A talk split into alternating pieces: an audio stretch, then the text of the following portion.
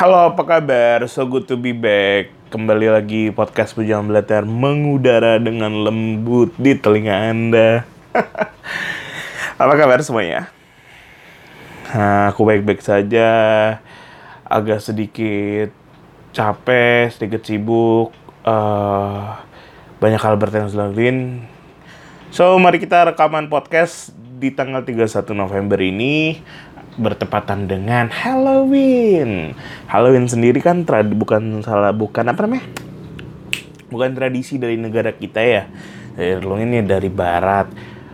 Ya pesta kostum, bagi-bagi permen kayak gitu. Tapi uh, biar lebih relate dengan kita, biasanya tuh Halloween dikaitkan dengan entah film, entah sinetron atau sinemat sinematografi yang lainnya lah. Uh, aku pengen cerita. Sebenarnya kan secara fisik tuh kalau bilang aku takut nonton film horor itu kan suatu yang lucu ya. Tapi saya akuin saya memang nggak begitu berani nonton film horor. Dan sepanjang hidup saya itu juga bisa dihitung berapa kali nonton film horor baik di bioskop, baik di TV ataupun di mana. Waktu film horor itu banyak adegan seronoknya itu agak agak agak agak agak apa? Agak membantu lah. Walaupun tiba-tiba pas lagi telanjang ada hantu yang bete banget mukanya gitu, bikin males. Tapi tetap aja nggak nggak bisa bikin saya untuk nonton. Total nih, total. Yang saya ingat ya, saya nonton film horor itu atau nonton sinematografi yang berbau horor yang ada visual dan segala macam yang komplit gitu kayaknya cuma empat deh seingat ya. Uh, mungkin yang paling anyar adalah perempuan tanah jahanam because of Tara Basro. And pengabdi setan because of Tara Basro also. Dan sisanya mungkin sesuatu yang udah lama banget kejadian. Ini pas zaman-zaman yang sumuran sama saya pas zaman kita sekolah ada dua sinetron yang sangat menggentayangi pikiran kita semua. Di SCTV itu ada sinetron lawas namanya di sini ada setan. Dan di Indosiar ada bentuk visual yang sangat mengganggu yang bikin traumatik yaitu jadi pocong. Duanya sinetron komedi tapi komedi horor yang kalau jadi pocong itu komedi horor lah ya. Nah, dalam rangka Halloween, saya akan berbagi pengalaman saya menikmati empat karya sinematografi ini. Perempuan Tanah Jahanam, Pengabdi Setan, uh, di sini ada setan. Aduh anjing, ngomong ini udah males. Dan jadi pocong. Kita mulai dari yang paling anyar dulu ya. Perempuan Tanah Jahanam. Yuk kita dengerin sesuatu dulu ya.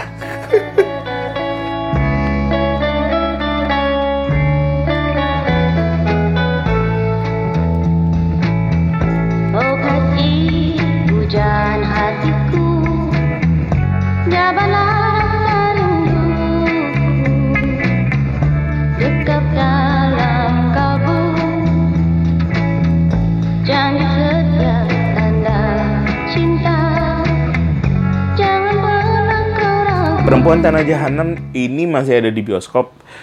If you guys seneng dengan sesuatu yang detail, seneng dengan sesuatu yang mencekam, intens dari awal sampai akhir, please langsung nonton.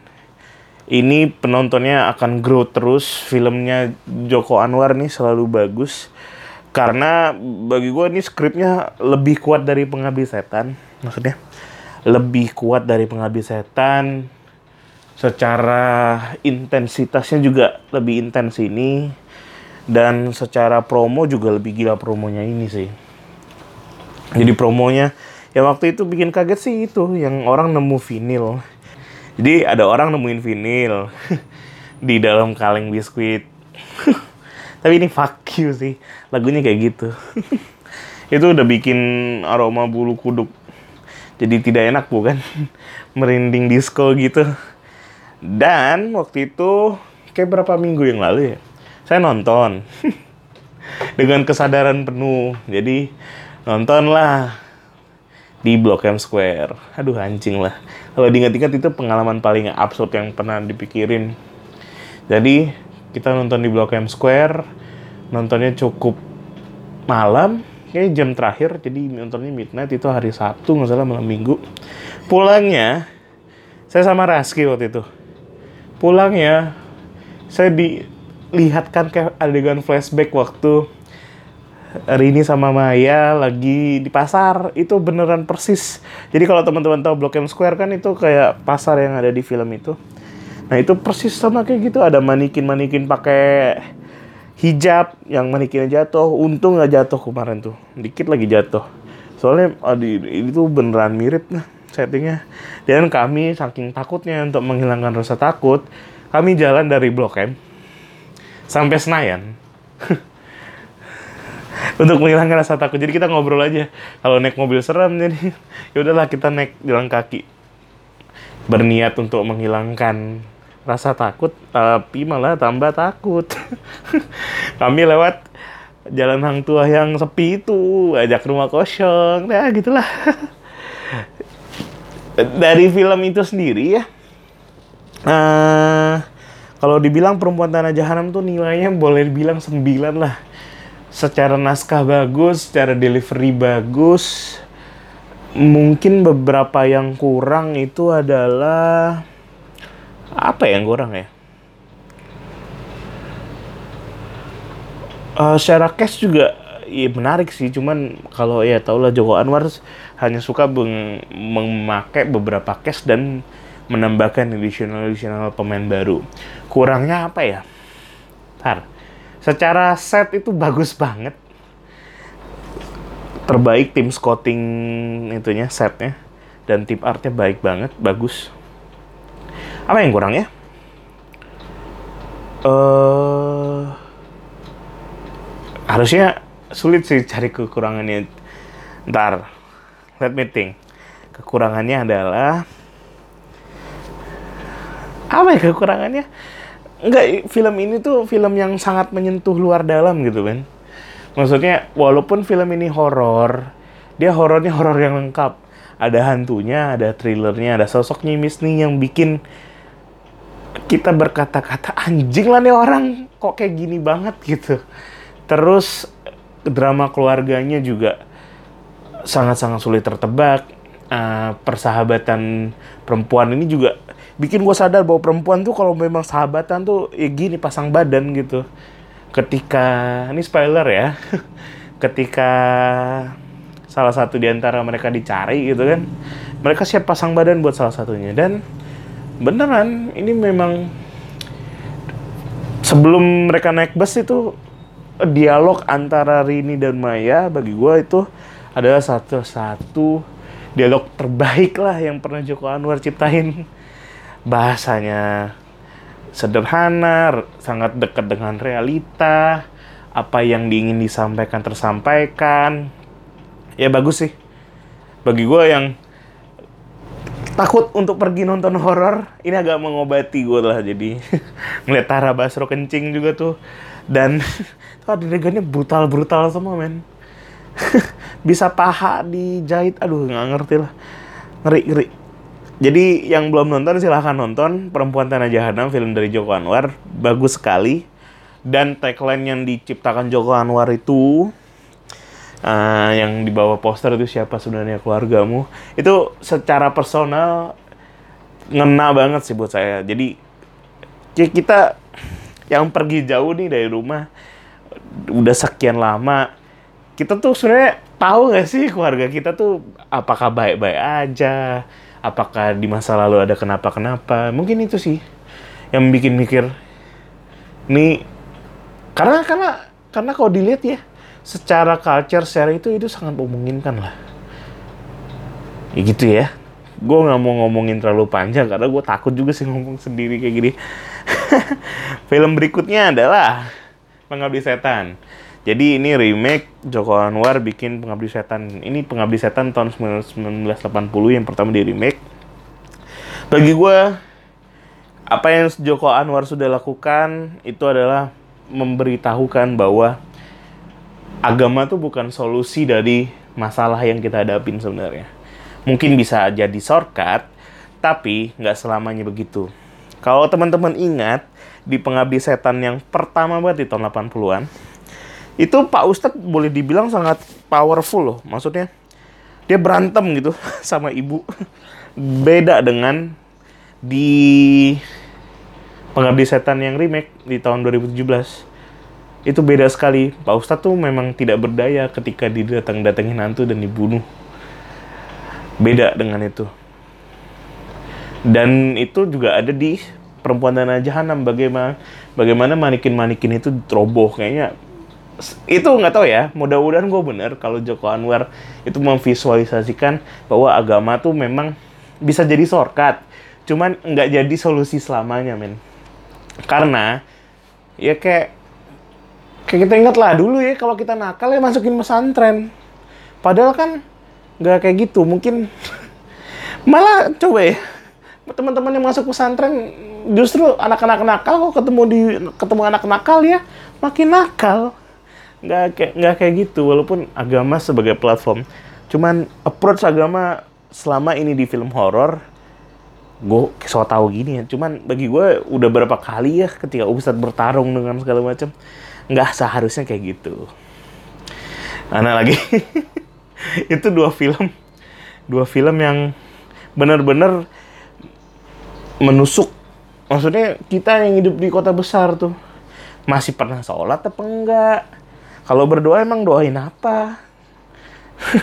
Dialog-dialognya kayak gitu bikin wah anjing ya bener juga ya.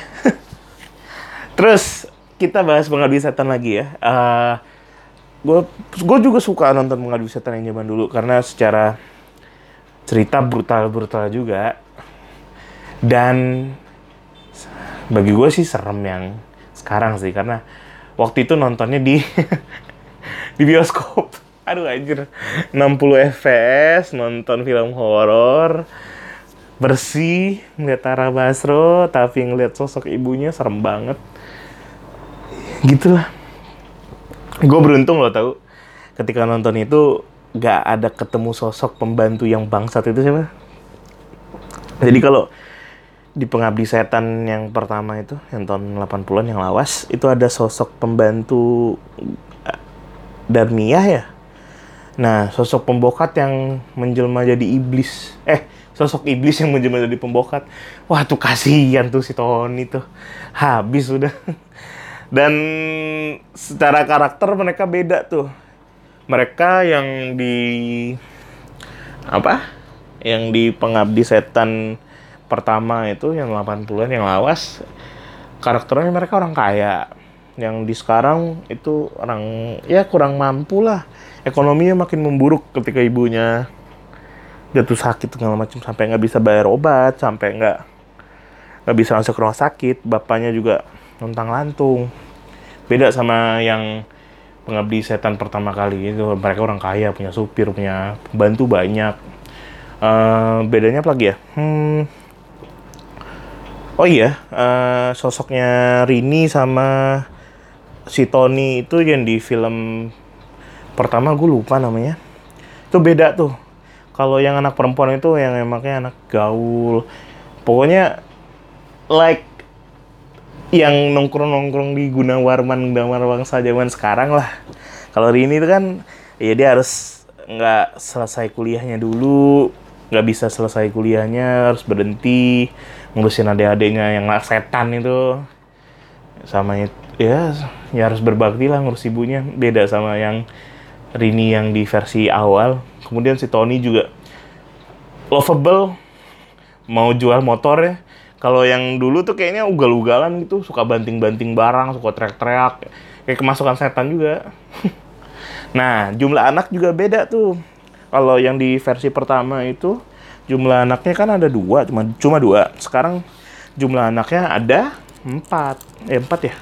Dan itu bikin ngaruh ke plot ceritanya sendiri.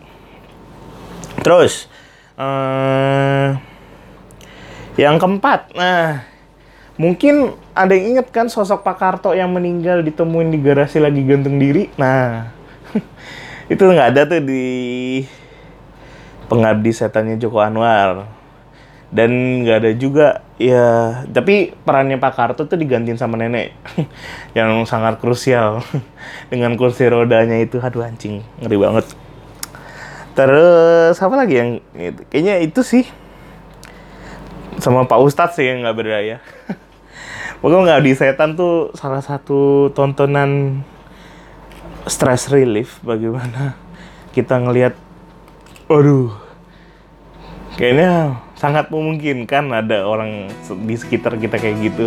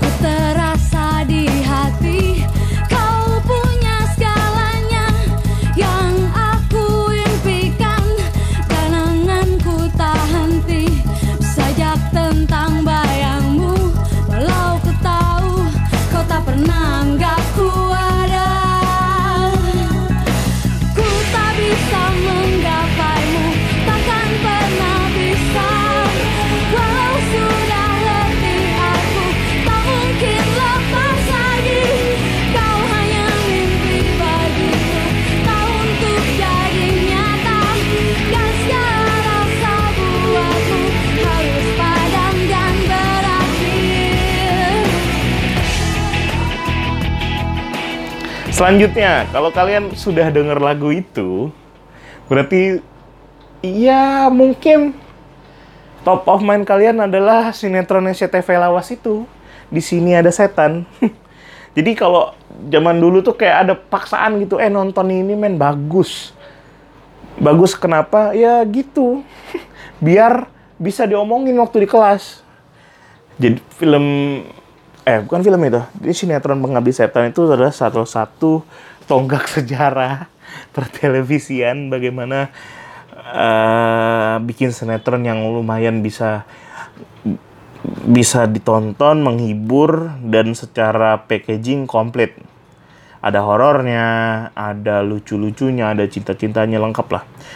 Dan yang bikin kuat adalah karakter-karakternya sendiri. Gue coba ya coba ya. Gue masih inget atau enggak tuh. Jadi kalau di sini ada setan tuh sebenarnya kayaknya ada filmnya juga. Cuma biasa kan kalau sinetron sukses jadi film. Biasalah kalau sinema art pasti kayak gitu. Jadi waktu itu nih ya singkat-singkat gue ya ada namanya Sashi. Sashi itu Sashi itu diperanin siapa? Aduh si si si si si, si istrinya ini siapa Aduh, Sas, ntar googling ya. Oh, Sashi itu diperankan sama Lia Nanta. Nah, dia punya indera keenam sehingga dia ya mampu lah. Terus dia ya biasa kok anak SMA kan brutal ya. Terus sosokan nangkep nangkepin setan. Terus dia dia punya teman banyak tuh. Ada yang sekarang jadi istrinya Raffi Ahmad yang jadi Anya Nagita terus Thomas Nawelis yang kocak banget sih dulu tuh. Yang jadi Coki terus ada Dude Herlino nggak salah. Dude Herlino tuh jadi Niko Niko nah, terus Liananta jadi Shashi Diva Nadia. Diva tuh jadi apa ya dulu ya? Terus ini salah satu penyanyi yang ada di dekat Tata Tata Tata Nah itu juga ada di itu terus Intan Ayu juga main Jennifer Anelita main terus uh, siapa? Yo Ronaldo Stockhart nah itu juga main. Jadi ya di sini ada setan tuh salah satu tonggak bersejarah sinetron di Indonesia lah. Jumlah episode lumayan banyak tayangnya dari tahun 2003 sampai 2005 hmm, ceritanya gue nggak ngikutin sih karena gue takut. Cuma pokoknya gue dengar aja dari teman-teman ini ini ini ini. Oh iya uh. ngeri mentalnya. Karena teman-teman gue kalau biasanya ya uh, udah kayak gitu tuh biasanya dicontoh tuh sama dia tuh si bangsat-bangsat ini. Yang nggak punya indera keenam ataupun ngaku-ngaku punya indera keenam juga ngebantai aja. Oh kita cari hantu yuk dulu sih. Kalau di Pontianak tuh banyak rumah kosong ya carilah tuh hantu di situ kayak gitu. Jadi ya di sini ada setan tuh lumayan berbekas sekali ketika zaman sekolah dulu. Jadi bahan omongan dan jadi bahan panutan. Nah selanjutnya nih. Tadi udah ngomongin perempuan tanah jahanam pengabdi setan. Di sini ada setan. Yang terakhir mungkin salah satu sinetron komedi horor yang ada di Indonesia mungkin salah satu satu satu satunya dan pertama yang terbaik lah bagi gue.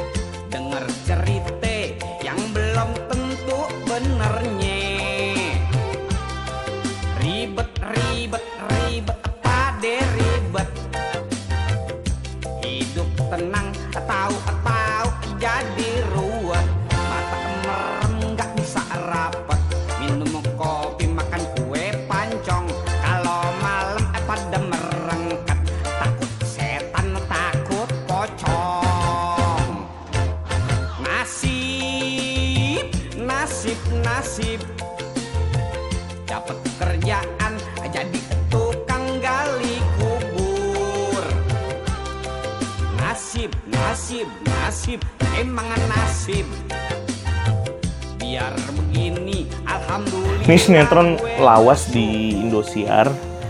Terus pernah di rerun nggak salah sama TPI atau MNC. Terus ya jadi pocong namanya.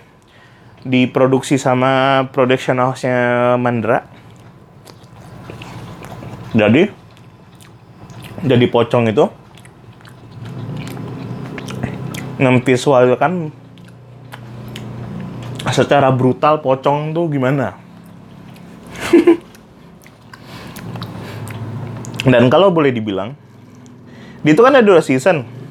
Penyebab itu kejadian itu gara-gara satu dan lain hal ya bukan satu dan lain hal sih cuma satu tali pocongnya lupa dibuka sama Mandra yang waktu itu jadi tukang gali kubur jadi kalau kalian ingat sekali dengan lagunya yang nasib nasib nasib nasib punya kerjaan jadi tukang gali kubur. Nah itu gara-gara dia tuh pocong gentayangan. Si Mumun tuh. Itu brutal men. Dia ngejar-ngejar orang. Aduh jadi kita coba googling ya. Secara plot tuh ceritanya brutal gitu. Jadi dia kayaknya ada dua season nih. Ceritanya very very klise. Jadi eh Edi Edi Sadelia ya. Edi Sadelia terus sama Widil Swandi biasalah eh, sepasang kekasih. Mumun sama Junet. Namun waktu itu kayaknya dia kecelakaan. Junet sama Mumun Junetnya nggak kenapa-kenapa. Terus dia tabrakan nih Junet nggak kenapa-napa Mumunnya meninggal. Sedih dong. Terus ya hubungan kisah cinta mereka berakhir. Meninggal Mumun terus Junet kehilangan. Dikubur lah si Mumun nih sama Bang Husen yang diperanin Mandra. Si Mandra eh, si Bang Husen nih lupa ngebuka tali po ikatan pocong Mumun kan kalau orang meninggal tuh biasanya tali pocong dibuka tuh. Terus mukanya ditempelin ke tanah kan. Nah itu lupa. Bangkit lah dari kubur. Ngeri dia ngejar-ngejar orang. Dia tuh bangkit karena ngejar salah satu arwahnya yang bikin dia celaka namanya Jeffrey. Anjing inget loh. Jadi